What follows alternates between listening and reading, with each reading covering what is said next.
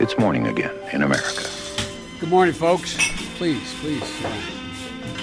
Come on, let's go. Let's go get some coffee. Thank you very much. Det er fredag 9. oktober. Det er litt uklart når den neste presidentdebatten blir. Det er 25 dager igjen til presidentvalget, og morgenkaffen er servert. Aller først, seks menn er arrestert i Michigan, siktet for å ha planlagt å bortføre Michigan-guvernør Gretchen Whitmer.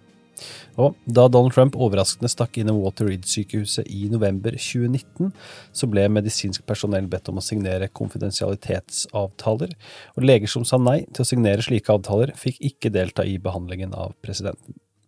Og etter visepresidentdebatten så kalte Donald Trump Kamala Harris for et monster, og Biden-kampanjen samlet inn mer enn 12 millioner dollar etter denne debatten.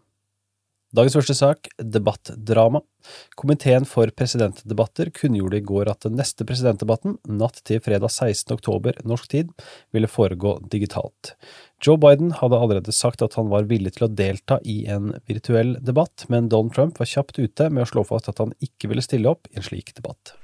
I heard that the commission a little while ago changed the debate style, and, and uh, that's not acceptable to us. Uh, I beat him easily in the first debate.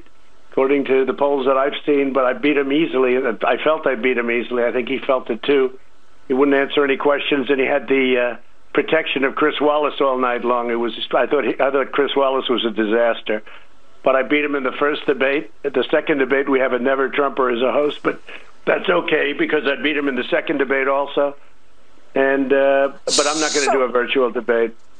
Bidens kampanje foreslo å gjøre debatten 22.10 om til et folkemøteformat, i og med at det var dette som var planlagt for debatten 15.10, og Trumps kampanje sa ja til dette. Trumps leir foreslo imidlertid også å beholde den tredje debatten og avvikle denne 29. oktober, men det har Biden-kampanjen avvist, og det ser dermed ut til at det kun blir to presidentdebatter i år. Men hva skjer så den 15. oktober?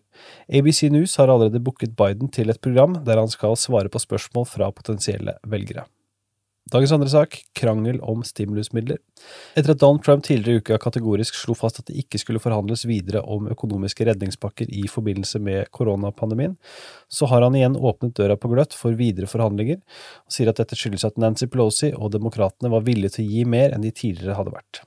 Det ble meldt torsdag at eh, partiene forhandlet smalt om en pakke som kun gjaldt luftfartsindustrien, men speaker Nancy Pelosi avviste torsdag kveld norsk tid at det var aktuelt å gå inn på en avtale som kun gjaldt redningsmidler til flyselskaper.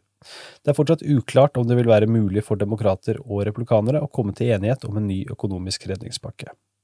Dagens tredje sak, Trump mener han kan ha blitt smittet av militærfamilier. I et intervju torsdag antydet Donald Trump at han kanskje hadde blitt smittet av koronavirus på et arrangement for såkalte Gold Star Families, altså pårørende til militære som har mistet livet i krigssoner. Trump sa at de som vil fortelle om sine kjære som er borte, gjerne står for nær, og at han ikke vil be dem flytte seg. So I figured there would be a chance that I would catch it. Sometimes I'd be with in groups of, for instance, Gold Star families. I met with Gold Star families. I didn't want to cancel that.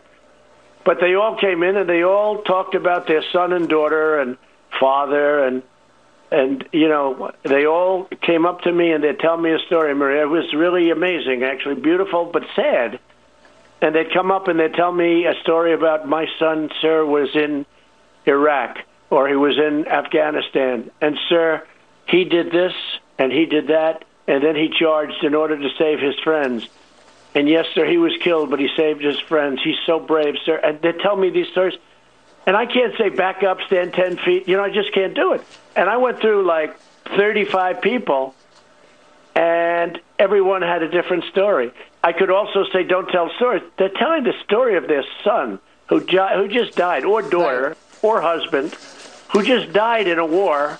Helt til slutt, det er snart helg. Det er ingen tvil om at Trump sier mye merkelig om dagen. Ta for eksempel dette sitatet med deg inn i helgen. So, to my favorite people in the world, the seniors. I'm a senior. I know you don't know that. Nobody knows that. Maybe you don't have to tell them, but I'm a senior. Samt dette. We're taking care of our seniors. You're not vulnerable, but they like to say the vulnerable, but you're the least vulnerable. But for this one thing, you are vulnerable. And so am I. Dagens utgave av Morgenkaffen er servert av Sigrid Rege Gårdsvold og undertegnede Are Togoflaten.